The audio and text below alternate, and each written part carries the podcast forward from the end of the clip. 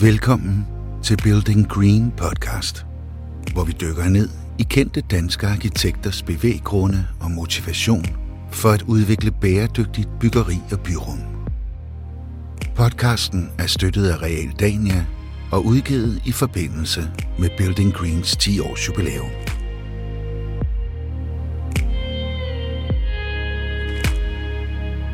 I denne episode gæster arkitekt Kasper Gullager Jensen studiet til en snak om innovation og bæredygtigt byggeri.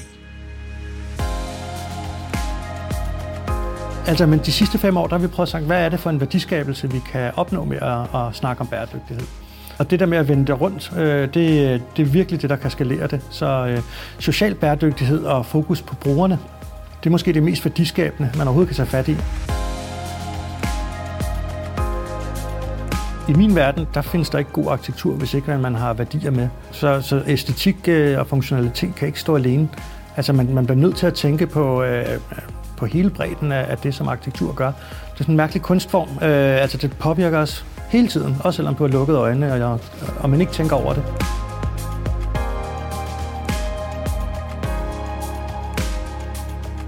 Men det der med, at, øh, at, at det, det var svært, og, øh, og der er mange, der siger, at det kan ikke lade sig gøre. Eller, altså det, det synes jeg, at det, det kan godt kendetegne branchen lidt. Men så har det jo været sjovt ligesom at tage det som en udfordring og sige, så må vi få det til at lade sig gøre.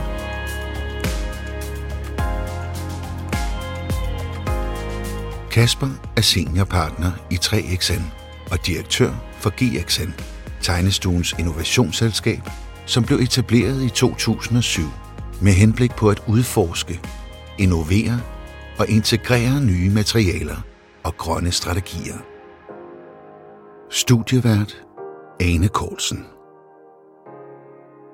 Kasper Gullager, velkommen til øh, Building Green podcasten. Tak. Kasper, du tog afgang i 2005, Ja, og bare to år senere, der blev du direktør for øh, 3XN's innovationsselskab GXN. Altså bare to år efter, du havde taget afgang. eller bare året efter. Nærmest året efter. Ja, det var i 2006. Det, synes, Øh. det synes jeg er lidt øh, vildt egentlig. Ja, Altså nu, jeg tager altid udgangspunkt i mig selv, og da jeg var færdig fra arkitektskolen, der havde jeg da altså nærmest ingen idé om, hvad jeg skulle foretage mig. Jeg var dybt forvirret. Og nu sidder vi her i 2020. Det er jo 13, for, altså det her er 13 år siden, og på det tidspunkt der i 2007, der var der ikke mange, der talte om øh, bæredygtighed og cirkulær byggeri og alt det her. Det er jo noget, der er kommet sådan med øh, de senere år. ja. Så hvordan fandt du på det, og hvordan fandt Tre gange Nielsen på, at, at du skulle lave det? Jamen, øh, jeg tror, jeg brugte min, øh, min tid på skolen med at være lidt forvirret. Ja, okay. Så- så der- det gjorde jeg nu også.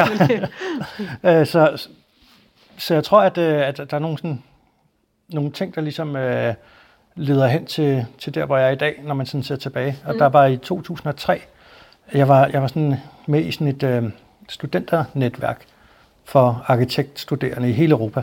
Øh, og det fik jeg så lov til at stå for sådan et arrangement, hvor der skulle 500 øh, du ved, unge øh, arkitektstuderende til Danmark. Og, øh, og det lavede jeg sammen med en god ven, øh, og vi kaldte det Sustainable Living. Øhm, og det, det, var, det var virkelig øh, nyt dengang. Og så vi holdt det i, øh, på Djursland, i sådan en, øh, øh, et øko-landsbysamfund, øh, hvor vi så kom som arkitekter, og så prøvede vi at tænke bæredygtighed, måske lidt mere sådan moderne, og eksperimenterede helt vildt i to uger med at ja, både bygge huse og eksperimentere med materialer og, og snakke og feste. Og det var ligesom der, det startede øh, i 2003. Og var det kun elevdrevet? Bare jer elever? Det var ikke lærerne eller et...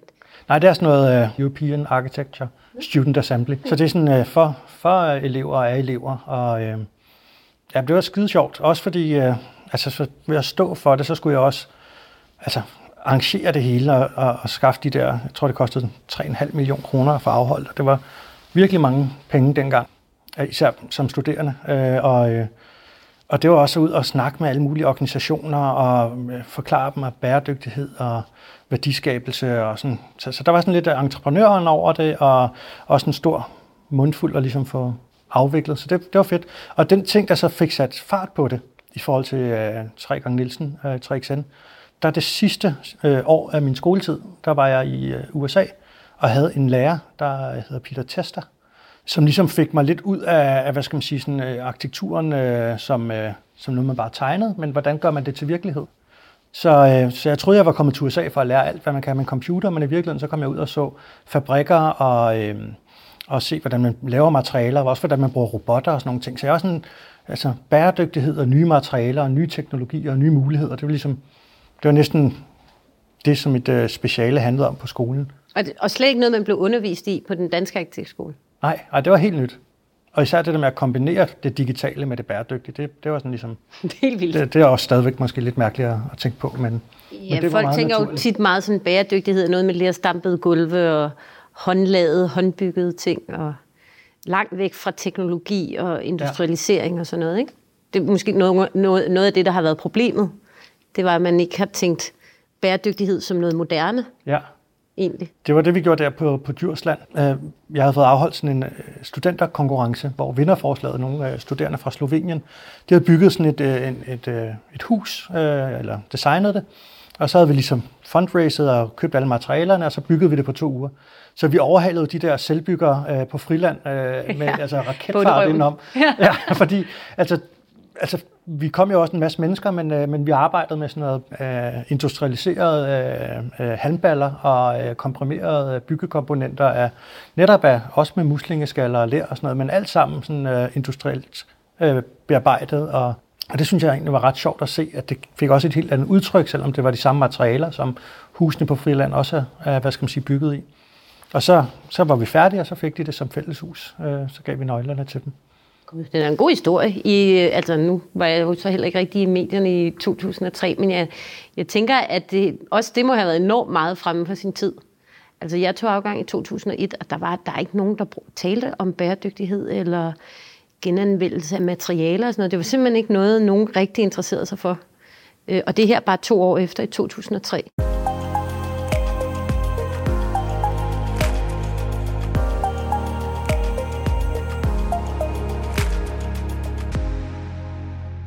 Så, øh, så kommer du til øh, 3XN, og så, så kommer den her idé om at lave et selskab i selskabet, som kun arbejder med innovation. Ja. Var det din egen idé? Eller var der nogen, der kiggede på dig og tænkte, du skal have, du skal have din egen legeplads? Ja, ja. Altså jeg tror, at, øh, at ideen blev født efter, at øh, altså jeg blev ansat øh, til at lave den her hvad skal, udviklingsafdeling, øh, som arbejdede med bæredygtighed og materialer og teknologier. Og den hed ikke GXN i starten, men jeg skulle så lave en forretningsplan. Det sagde øh, øh, Bo, som var administrerende direktør, vi skal have en forretningsplan. Du skal ikke bare gå rundt der og Nej, så, så jeg holdt op. Jeg troede lige, jeg var blevet ansat til bare at kunne fise den af, eller lave, lave, lave det kun til sjov. Ikke? Ja. Øh, men, øh, men, men så googlede jeg jo så forretningsplaner og fandt ud af, at man skulle lave alle mulige analyser og treårsstrategier og femårsstrategier. Og, og, og der var, altså det jeg indleverede, det var ligesom at sige, jamen altså, de første øh, to år skal jeg ligesom skabe et netværk og eksperimentere, og så skal vi have en, øh, en forretning, der kan køre rundt øh, og betale min egen løn, og så i takt med, at jeg kunne få flere opgaver, så kunne vi så begynde at ansætte. Og det holdt vi så også nogenlunde til. Så, så det der med at se det som en forretning, altså jeg havde et par år, altså, hvor jeg vidderligt bare, Hvor det ikke var en nej, forretning. der var det ren fest. Ja. Øh, men, men, øh, men samtidig også, altså det handler jo også om, at øh, hvis man skal tænke nyt, så skal man også have nogle nye at tænke det sammen med. Så det handlede meget om at, at afdække, hvem er der derude, øh, som vi kan arbejde sammen med, og hvem kan vi øh, prøve at lave øh, projekter og forskning med. Og i virkeligheden så blev forskningen en, en vej ind, fordi at, øh, jeg tror, at jeg var det en af de første herhjemme, der begyndte at, at forske på en tegnestue. Så det var også øh, ikke relativt nemt, men det lykkedes mig at få nogle legater øh, Så fra, forskningsmidler. ja, fra nogle fonde, der normalt ikke øh, blev kontaktet af arkitekter. Og det gjorde så, at vi begyndte at, ansætte. Øh, og så kan man sige, så har vi begyndt at bygge på med øh, den forskning, har vi sådan kørt ind i tegnestuen. Og nu er vi også begyndt at sælge det som, hvad skal man sige, som viden til, til eksterne. Ja. Og hvor mange er så i, i innovationsselskabet i dag? Jamen, vi er sådan øh, cirka 20, et par 20 tror jeg lige øh, på dagsformen. Og jeg kan forestille mig, Kasper, at øhm, nu har jeg engang prøvet at være kulturchef i en kommersiel virksomhed, hvor jeg også sådan, ikke nærmere defineret bare skulle arbejde med kultur. Øhm, jeg tænker, at det må have været svært det her med at blive øh, at, at sætte sig for noget i en branche, som er så øh, som konservativ i virkeligheden, og så etableret. Man har altid gjort det på den her måde. Det er meget svært at bryde de her vaner. Du må have følt dig meget alene. Ja, jeg følte mig ikke så alene, fordi det handlede om, at jeg virkelig skulle, skulle, skulle skabe kontakter øh, og, og, hvad skal man sige, samarbejder. Så, så det kommer meget naturligt, øh, at, at det her med at, at tale med en hel masse og se nye muligheder, det, det, det, der er det som en fisk i vandet, øh, og der føler jeg mig meget forbundet og ikke så alene. Men det der med, at, øh, at, at det, det var svært, og, øh, og der er mange, der siger, at det kan ikke lade sig gøre, eller Altså det, det synes jeg, det, det kan godt kendetegne branchen lidt. Men så har det jo været sjovt ligesom at tage det som en udfordring og sige, så må vi få det til at lade sig gøre. Øh, enten ved bare at du ved, sådan, trumfe det igennem, eller også måske ændre den måde, man ser et problem på, eller begynde at, at bruge viden eller øh, løsninger fra andre øh, industrier. Så egentlig det der med at, at tage de der udfordringer, der er svære, og så egentlig finde ud af, hvordan kan vi, hvordan kan vi gøre ting på nye måder, som skaber kvalitet og bæredygtighed. Følg bæredygtigt byggeri året rundt på buildinggreen.dk. Men når man så kigger øh, tilbage på de 13 år, hvor øh, GXN så har eksisteret, synes du så, at der er sket nok i forhold til, at det alligevel er 13 år, I, du har siddet med det, og at nu, nu, nu er der lige pludselig kommet et enormt momentum for, at ja. vi skal gøre øh, noget for klimaet og så videre. Og der er også mange, der begynder at pege på byggebranchen ja. som en af de store syndere. Øh, 40 procent CO2-udledning. Ikke? Øhm, og så det, man tænker, jamen, du har siddet siden 2007 ja. og vidst det her og tænkt på det. Og der er alligevel jo ikke sket det sådan enorme store ryg. Der er slet ikke sket nok. Altså, den viden, vi har nu, altså den er så tydelig, og den efterspørgsel, der er, altså, øh, og forventning til, at vi skal gøre ting anderledes, den, altså, vi skal, altså, vi skal simpelthen handle nu, og vi skal levere nu. Og jeg synes, altså, jeg synes, det har været ret fedt at se, hvordan at det her er kommet øh, fra at være ja, øh, for mit eget vedkommende forskning til at blive til, til ting, vi rent faktisk kan gøre, men ikke noget, som vi skubber på, men som omverdenen forventer af os. Øh, og, og vi mangler virkelig at omstille os. Altså, så på den måde er, ja, er det lidt skræmmende, at vi, vi ikke øh, leverer alt med en fuld bevidsthed om, hvad vi bygger med, og med en transparens i, hvad er aftrykket, og med en målsætning om at, og, hvad skal man sige, skabe øh, positive øh, effekter mm. med byggebranchen. Og hvis du nu skal sætte en finger på, hvad er det, der står i vejen for, at vi ikke bare har haft den her omstilling for længst? Jamen altså, det er jo det her med at ændre vane, øh, det er jo også at øh, konkurrere med nogle andres forretning, som de har udviklet i ja, nogle gange op til 100 år, øh, og så skulle komme med en ny løsning, som kan gøre det bedre og billigere fra dag et. Altså det kan være svært. Så, så der er jo noget med, at den konkurrence, man tager op, er virkelig øh, veltrimmet. Og også, at, øh, at byggebranchen har jo... Altså det er jo ikke en branche, man vil være first mover i. Og det vil man ellers gerne i mange andre brancher. Der er det jo nærmest en... det vil man ikke. hvad skal man sige? Der vil man være safe mover. Ja, safe mover. Og, øh, Altså, så, så det her med, at, at man har hele tiden sådan lurpasset lidt på det, øh, og, og set, at det skal ligesom lige være bevist to-tre gange, øh, før at man kaster sig ud i det. Og det er jo lidt det, vi prøver på at skabe med GXN, det er at lave det her sådan, øh, sådan osteklokke, sådan et test, øh, testrum, hvor vi kan, kan lave ting, vi ikke lige ved, øh, øh, hvad svaret er på endnu, og vi kan øh, prøve ting af, som først øh, skal igennem øh, en, en 10-20 øh, iterationer, før at, at det er dokumenteret og certificeret. Så, så det har været det fede ved at, at have sådan en, en tegnestue i tegnestuen, og også normalt på en tegnestue, så, altså, så skyder man jo med alt, hvad man har på den opgave, man sidder med. Og det gør så også, at du er bundet op på dine afleveringer, øh, og dine samarbejder bliver med the usual suspects, altså du arbejder med altså, ingeniørerne og med producenterne og entreprenøren. Ja, og du har ikke lyst til pludselig at begynde på noget helt andet, du ikke helt ved, hvad er. Fordi det, tit er man jo også meget presset i de der faser, ikke? Jo. Altså, øh, tingene skal afleveres, og der er sådan en eller anden stemning af lidt hysteri, og så er det svært at have overskud til pludselig at tænke noget helt nyt, ikke? Ja, hvad, hvad hvis vi laver det her med kartoffelskralder? Altså, det... ja, bare ti stille. Ja, ja, nej, gipsvægge. Ja. ja. Og der har det været rart at være skærmet for det, kunne jeg forestille mig. Ja, også, altså også bare vores egen, øh, altså vi, Øh, vi har vores egen ansatte i GXN, altså så på den måde, at, at de bliver ikke revet ud af hænderne på os, når vi, vi begynder at lave noget gakket og, øh, og smidt hen på den, øh, den opgave, der har den nærmeste deadline og den du ved, højeste avance. Så, så på den måde har vi sådan ligesom fået vores eget nørderum. Hvis man så ligesom skal kigge på nogle af de projekter, som, som I har haft øh, indflydelse på, blandt andet det her Circle House, som bliver kaldt for Danmarks første cirkulære boligbyggeri. Hvordan, øh, hvordan har den proces været i forhold til, at I er den her osteklokke, der får lov til at arbejde med kartoffelskralder? Og... Ja, altså, men den har været fed. Øh, især fordi jeg øh, ret tidligt sådan, øh, sagde, at det her det skal ikke bare være vores, øh, vores vision. Øh, så jeg inviterede øh, og snakkede med, med Søren og Anders, altså henholdsvis fra Vandkunsten og Lennager, om at lave en fælles tegnestue. Øh, så, så vi har faktisk været tre tegnestuer, der har lavet det her øh, tankerne bag øh, cirkulært byggeri. Og allerede det er usædvanligt, ikke? Fordi der er sådan en benhård konkurrence tegnestuerne imellem. Ja. Og det er meget, meget sjældent, man går sammen på den måde. Der? Men det gør vi tit, vi arbejder. Vi arbejder faktisk med en del med, med de andre. Og jeg, noget af det vigtigste for mig, der er i virkeligheden, at den viden, vi har, den er åben. Øh, så, øh, så vi kan gøre hinanden øh, skarpere og, øh, og bedre. Hele det der med konkurrencedelen, altså det der med at Øh, og, og konkurrere, det... Det holder måske også den cirkulære udvikling tilbage, ikke? Ja, altså jeg tror, at det der med at dele viden, det gør, at man øh, øh, kommer frem øh, hurtigere sammen og bliver bedre til det, man gør hver for sig sammen også. Så Lennager og Vandkunsten, og jeg, I lavede en fælles tegnestue? Ja, og øh, lavede de her øh, altså, øh, byggesystemer, hvor at øh, målsætningen er, at 90 procent af alt, hvad vi bygger med, skal man kunne genanvende til en høj værdi. Altså ikke bare kunne, kunne rave det ned og, og, og, og smelte det om, eller knuse det, men altså sådan, virkelig sådan, uh, genbruge vores uh, bygninger, så vi kan lave sådan nogle, uh, ja, uh, en byggebranche, hvor at man i virkeligheden kan undgå affald.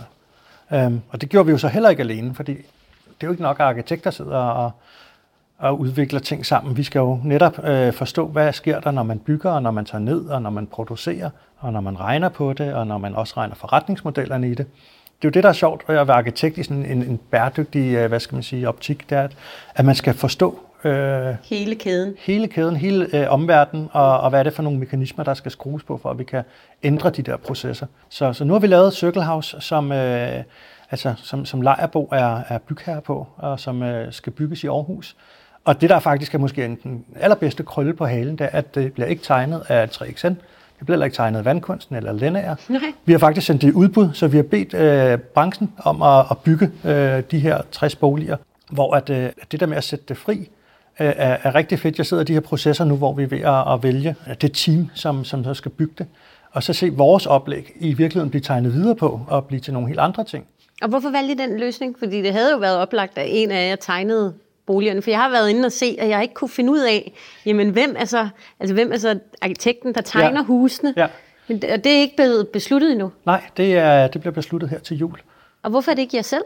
En af jer? Eller? Jamen, jamen hvorfor, er, hvorfor er det ikke kun 3XN, der lavede, øh, hvad skal man sige, øh, konceptet. Jeg, jeg synes, det er spændende, det der med at se, altså det her det er første gang, at, at markedet efterspørger øh, de her cirkulære løsninger. Jeg har selv siddet i nogle konkurrencer som dommer, hvor at, øh, at de konkurrerende skulle komme med hvad skal man sige, genbrugsløsninger og upcycling-løsninger. Og det der med at efterspørge det, det der kommer bare sådan en idérigdom, og der, der kommer nogle svar, man slet ikke kunne forestille sig. Så det der med at give det fri, altså vi har lært sindssygt meget af det i, i den her fælles tegnestue. Hvad har I lært? Jamen altså, vi har jo øh, skulle sidde sammen med øh, alle de her øh, aktører, byggebrancher, hvordan kan man genanvende øh, ventilationsskagte, og hvordan kan man bygge, så man kan skille det ad igen. Og det er jo virkelig, det lyder meget banalt, men det kan man slet ikke i dag, mm. fordi vi, øh, vi bygger kun, øh, så at vi får det opført, men vi tænker slet ikke øh, fleksibilitet og drift og genbrug ind. Og ved at gøre det, så har vi jo ligesom lavet noget byggeri, som øh, har en eller anden form for... Øh, man kan næsten sige sådan lidt, øh, øh, vi, har, vi har genopdaget øh, sådan øh, god øh, byggeskik, altså som er bygget på, hvad skal man sige, ærlighed og en enkelhed. Man kan se samlingerne, der er ikke nogen øh, fuger eller stort set ingen, og, og den er, det er lavet så, så, så man kan bruge og udskifte det. Så det giver sådan en form for, øh, øh, for, for sådan, øh, jeg synes, en dansk øh, arkitektur øh, i 2020, som som egentlig minder om nogle af de tanker, vi også gjorde os med modernismen og med uh, Danish design og uh, sådan ærlighed og enkelhed. Så og skåret ind til benet. Vi har lært en masse, og, øh, og egentlig også uh, en ny æstetik, uh, synes jeg, og det har været ret fedt. Ja, for det var jo så mit næste spørgsmål, om man ligesom, kan man se de tanker, I har gjort? Ja, nu er husen jo ikke tegnet, men kan man se de tanker, I har gjort, og kommer det også sådan til, til udtryk i en æstetik? Ja, ja men vi har jo bygget en prøvebolig, øh, så, så den... Øh, den, den kan man se, mm. som ligesom er en, en, demonstration af, at det her det er jo ikke øh, løsninger, som ikke findes i dag. Så vi har faktisk taget øh, du ved, produkter og arbejdet sammen med producenter, og sådan ændret øh, produkterne måske 5%, så når man sætter et vindue ind i dag, så fuger du det fast og skruer det ind. Nu har vi lavet sådan et kliksystem, øh, så du kan klikke det ud igen, og det gør egentlig, at du har en nemmere montage, og du kan tage det ud igen, hvis du skal opgradere energirammen, men så bruge det gamle vindue. Eller en facade, hvor at, øh, at, at vi har taget sådan noget genbrugsplast og støbt op til, øh, til sådan en, noget, der nærmest minder om drageskæld, øh, men, men hvor man bruger affald til at, at, at, at, at beklæde en, en, en bygning med. Øh, og alle de her ting, det, øh, det har lidt en anden æstetik. Altså, vi vil godt se samlingerne, vi vil godt se materialerne, vi vil også godt se bygningens lag. Øh, og det, øh, det er lidt et opgør med den der sådan, øh, spejlblanke, glatte, hvide, kønsløse øh, arkitektur. Ja, og også meget af det her lidt øh, kulissearkitektur. Altså det her med, at der, lige, der bliver ja. bygget så sindssygt for tiden. Men man ser jo de her huse, der bliver lejlighedsbyggerier, der bliver støbt i beton, og så kommer der sådan en meget, meget tyndt lag øh, teglsten på til sidst. Ja. Så det ser ud som om, det er et muret hus, men det er det overhovedet ikke. Ja. Øh, og så har det sådan alligevel modernismens øh, formsprog i sig. Så sådan en underlig bastard arkitektur, der er for tiden, ikke? Ja.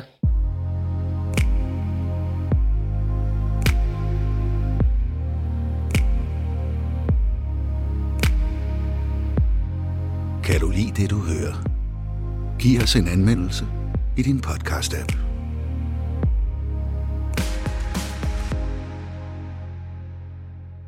Tænker du så, at de løsninger, I har fundet frem til med, med Circle House, er nogen, som så skal skaleres op og så bruges netop altså i de enorme lejlighedsbyggerier, der bare pisker der ud af lige nu. Der blev bygget sådan 5-6.000 nye boliger i København. Det, det håber vi da bestemt, og vi altså, men er det, det Men tror det er realistisk? Ja, altså øhm, Lejerbo er jo øh, sådan en øh, almen øh, bygherre, og de ser jo det her som et nyt byggesystem, som de kan bruge.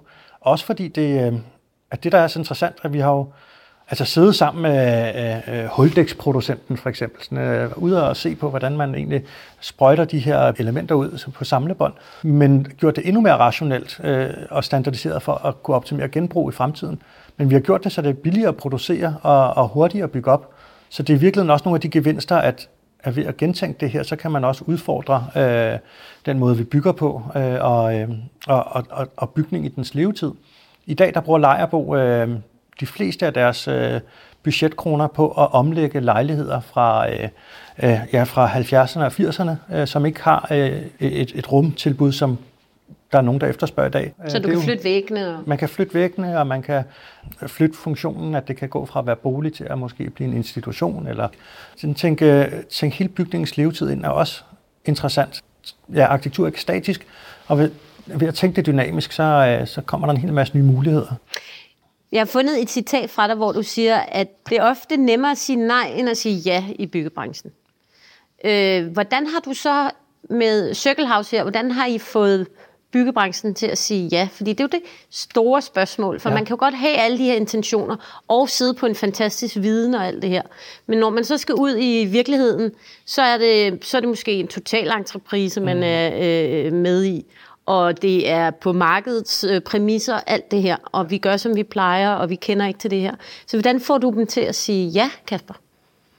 Jamen, altså, det er jo lidt altså, som, som et korthus. Altså, hvis, hvis man tager et, et lag ud, eller et led ud, mm. så kan det hele kollapse. Altså, øhm, så, så det er helt rigtigt, at, at, at man har brug for at, at samle et hold, som, øh, som gerne vil den samme vej. Og det var det, vi gjorde før øh, vi skabte udbuddet. Så vi sad de her 35 virksomheder. Så I sad tre tegnestuer? Og så en hel masse leverandører. En hel masse leverandører og udførende og, øh, og nedrivende. Og hvordan fik I dem med på holdet? Altså, for det koster tid og også penge. Ja, altså, men... hvis de skal sidde og snakke med jer i ugevis, så bliver de vel også utålmodige, eller? Jamen, det, øh, altså, det, det lykkedes med at, øh, at, at, at, hvad skal man sige, starte hele det her samarbejde øh, med at udvikle systemløsningerne øh, på grund af MUDP. Så det er jo faktisk øh, Miljøstyrelsen, øh, der har et, øh, et demonstrationsprogram, øh, som, øh, som finansierede de her systemløsninger. Men det, der var fedt, det var, at øh, vores opstartsmøde, øh, hvor de her 35 virksomheder, det er sådan rigtig mange mennesker på min tegnstue, øh, og der rejste de sig op øh, en af gangen og sagde, hvorfor de var der. Og de troede alle sammen, at, øh, at, at cirkulært byggeri var vejen frem. Og det var sådan en ny dimension til bæredygtighed, som også handlede om øh, miljøet, men i den grad også om, øh, om ny forretning. Og det der med, at der er 35 virksomheder, da vi startede, det er immer væk faktisk nogle år siden, øh, der, der havde den agenda som, øh, som den vigtigste. Øh, det, det var ret vildt. Så og havde tror, de den agenda, fordi ud fra sådan helt øh, humanistiske øh, synspunkter i forhold til kloden, eller havde de den ud fra, at det kunne de se, det var der en god altså, ja. strategisk øh, forretningsplan i? Eller, altså, hvad, hvad er motivet? Jamen, øh, at der, der, er sådan, der er også mange forskellige øh, øh afarter og størrelser, altså små firmaer. Der er sådan nogle små startup firmaer, som sagde, vi tror på, at verden skal være uden affald. Derfor laver vi kun produkter, som øh, kan genbruges, og vi laver dem på ja, montagesystemer, som er tænkt efter det. Så det er jo sådan en helt dyrket øh, opstart firma. Og så har vi også store firmaer med, ligesom øh, Rockwool eller øh, Velfak, som, øh, som siger, okay, vi, øh, altså, vi er jo kæmpe byggefirmaer med 10.000 vis af ansatte, men vi kan se, at der er et skift i markedet, så vi bliver nødt til at forholde os til det. Vi bliver nødt til at øh, adoptere nogle af de her tanker. Ellers dør vi på sigt. Ja, ja. altså hvis, hvis ikke at man, øh, man følger, øh, følger med, så, så uddør man. Og det, øh, det, det synes jeg også, der er nogle interessante dynamikker i, at det både er små og store, der kan inspirere hinanden. Tænker du, at, øh, at det er nu så, at den her acceleration, som der skal ske, der skal jo ske et eller andet kæmpe skifte. Tror du så, det er nu her, inden for de her næste år, at det kommer til at virkelig at rykke? Altså en ting er, hvad man håber, men tror du det? Altså det, vi vågner op på tegnestuen her i, altså i, i det her år, i 2020, øh, med en opringning fra London, hvor at, øh, vi, øh, vi havde vundet en konkurrence, som, øh, som vi tegnede på øh, med to højhus øh, i, øh, inden for The Square Mile, som er øh, Europas dyreste sådan, erhvervskvadratmeter.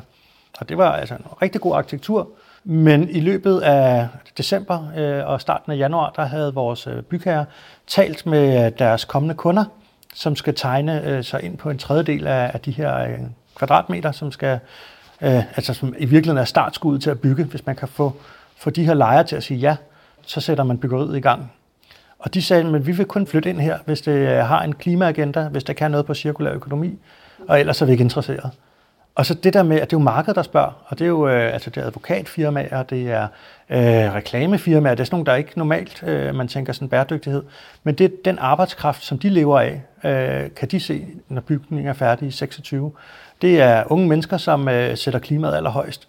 Så, så det der kommer allerede fra markedet af, så det tror jeg kan rykke det. Det er første gang, jeg har set det komme fra sådan, altså det mest kommercielle sted i Europa, kommer med de mest øh, ambitiøse øh, klimakrav. Øhm, og det er fordi markedet siger det, eller en, en, en, en hvad skal man sige, en, en spottomskugle øh, i, hvad, hvad, hvor er markedet om fem år. Øh, så, så det synes jeg virkelig var øh, energigivende. Og det, ja, det, den bølge, jeg har reddet på lige siden januar. Ja, men det er der egentlig også meget opløftende. Altså, men, og i virkeligheden er det jo så også en lille smule paradoxalt, at det er den vej, det, det skal gå.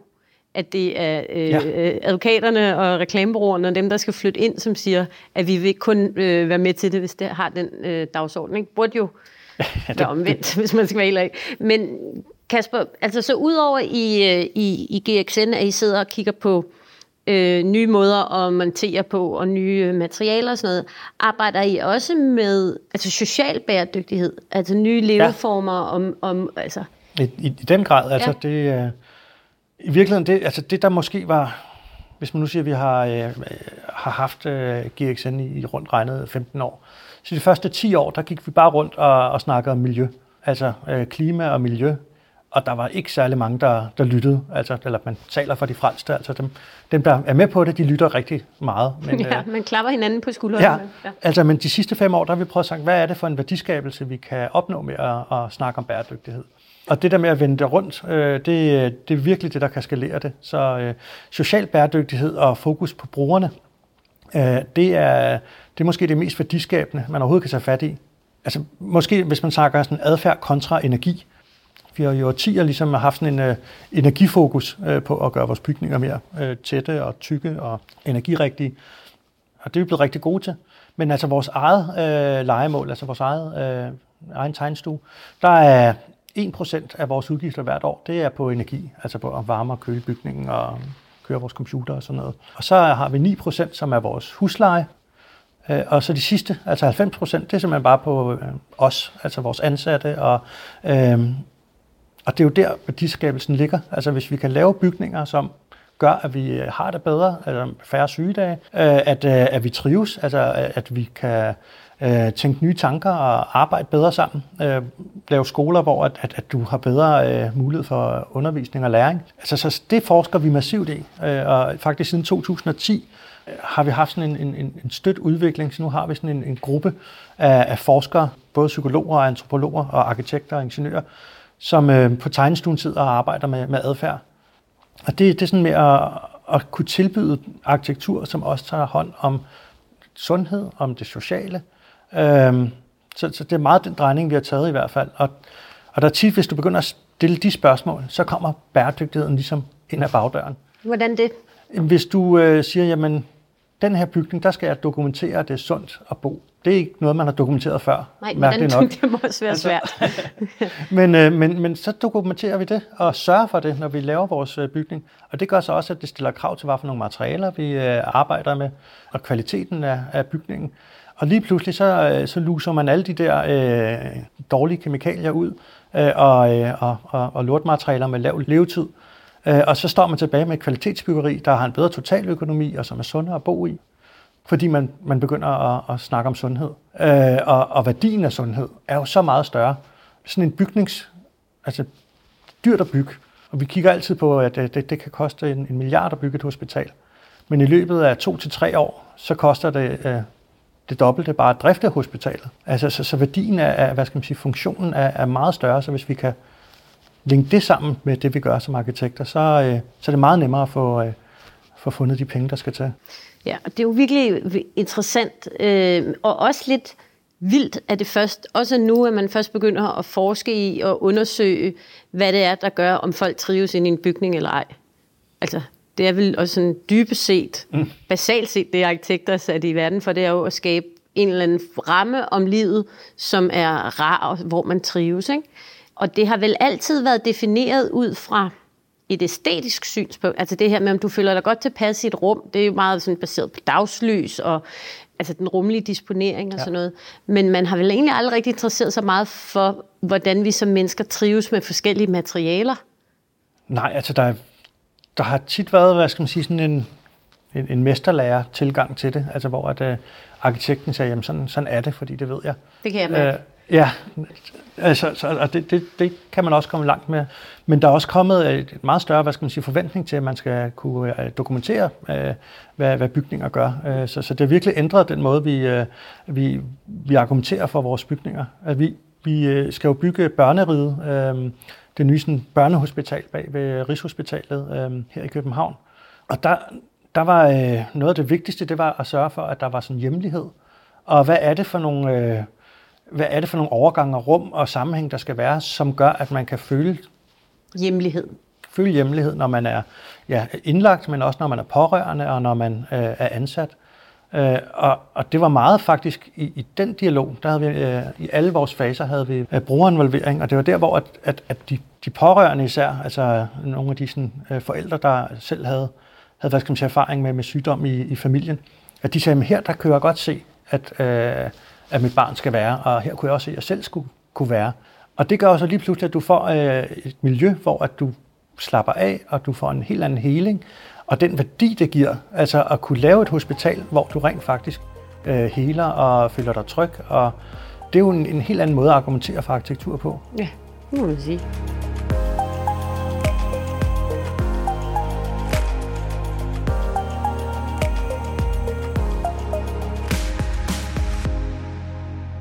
Hvis vi nu lige kigger på den nye generation af, af arkitekter, der er på vej ud, som jo altså, har det her på dagsordenen på en helt anden måde, end, end man havde der i 2001, da jeg tog afgang, eller 2003, da du tog afgang, ja. så har man jo taget øh, FN's verdensmål og ligesom lagt ned over undervisningen, og også lagt som krav til deres øh, afgang, ja. at de skal ligesom involvere verdensmålene og bruge dem øh, i deres øh, løsninger. Synes du, det er en, en, en god måde at være med til at skabe en ny generation af arkitekter, der tænker øh, mere i, i bæredygtighed? Helt sikkert. Altså, det er jo, det er jo vanvittigt at se de her... Øh, øh altså, der er jo nogen, der bruger, øh, hvad skal man sige, verdensmål helt aktivt øh, til at Øh, altså det er jo både æstetik, men også etik, og hvad er det for, øh, hvad er det for nogle øh, virkemidler af arkitektur? Altså hvad er det for nogle effekter, vi kan få, få ud af vores arkitektur? Altså vi, øh, altså, vi ansætter øh, en hel masse fra, øh, fra, fra, fra de øh, dele af skolen, hvor at, at det, det er den tankegang, man, øh, man fremmer. Jeg har lige øh, fået øh, den seneste sådan, i GXN-familien, som øh, har lavet sådan et, et, øh, et, et vandrensningsanlæg i Chile, og i virkeligheden øh, arbejder med, med, med arkitektur øh, fokuseret fra, fra en anden, hvad skal man sige, øh, øh, verdensdel og øh, med, med et fokus på vand, men altså alt den tankegang, den gør, at det kan man også bruge, når man bygger øh, boliger i Danmark, øh, og, og, og når man tænker i, hvad skal man sige, i, i, i brugerinddragelse. Altså så, det giver så meget værdi øh, at, at starte med, med, med arkitektur ud fra, fra sådan målbare øh, miljømæssige øh, gevinster. Men det er gået op for mig, for jeg synes jo også, det giver god mening, men det er gået op for mig, at der er mange, der synes, at det er ærgerligt at lægge sådan et krav eller sådan et lag ned over unge, der er studerende og dem, der kommer ud, de skal have lov til ligesom at have lov til ikke at have alle mulige bekymringer og, og have alle mulige krav lagt ned over sig, men de skal have lov til at udvikle sig og tænke kreativt. Og så kan, de altid, så kan man altid tænke på alt det andet bagefter. Altså, i, i min verden, der, øh, der findes der ikke god arkitektur, hvis ikke man har værdier med. Så æstetik øh, og funktionalitet kan ikke stå alene. Altså, man, man bliver nødt til at tænke på, øh, på hele bredden af, af det, som arkitektur gør. Det er jo sådan en, det er sådan en mærkelig kunstform. Øh, altså, det påvirker os hele tiden, også selvom du har lukket øjnene, og man ikke tænker over det. Øh, og den påvirker miljøet. Øh, så, så på den måde, så, så er det et kæmpe ansvar. Og hvis man ikke underviser i det, så synes jeg at man fejler. Altså, så man kan også vende, vende det om. Altså hvis det kun handler om, du ved, øh, form og farver og, og flotte linjer, og, og fokusere alt ens kreative energi derhen, så, så, så lader man sådan et helt felt være i blinde. Så det tror jeg, at altså, arkitektur i dag, det handler både om øh, æstetik, men øh, etik og værdi.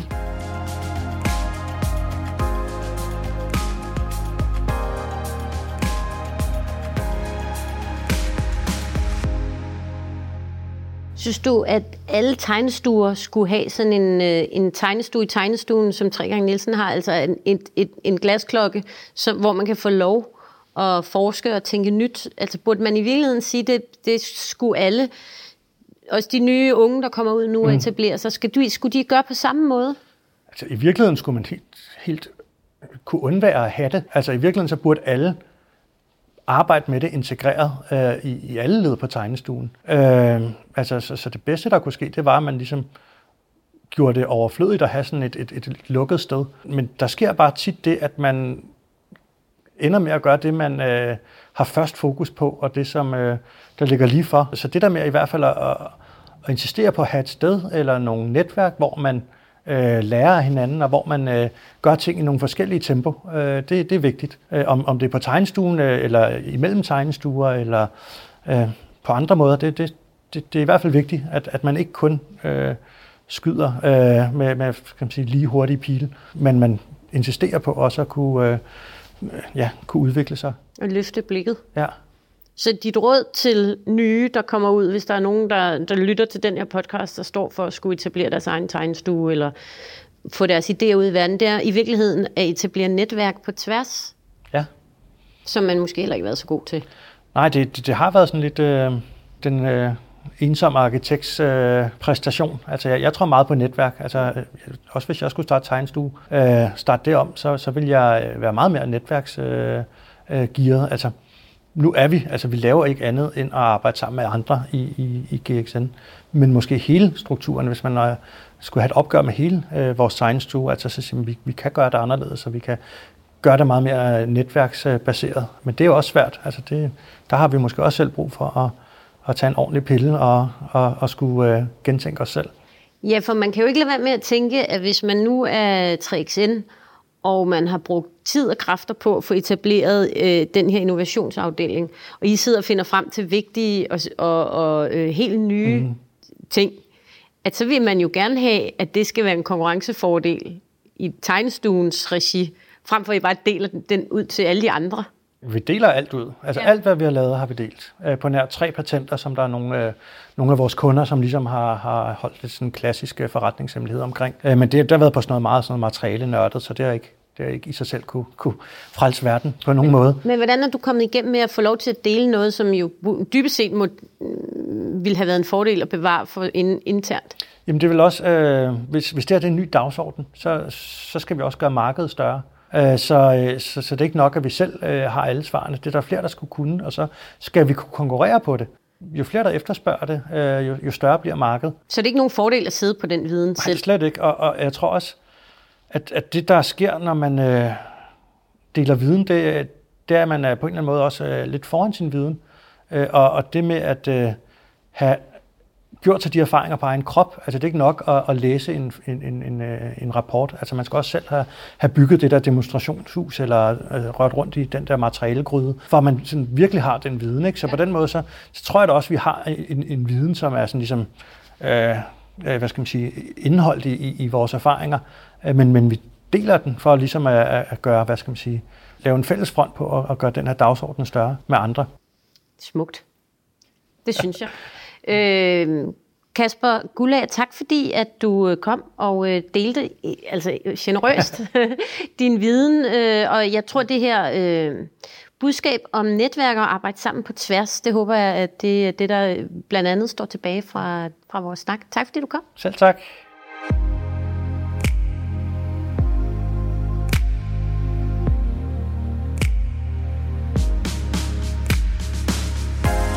Tak fordi du lyttede til Building Green podcast, som er produceret i anledning af Building Greens 10 års jubilæum.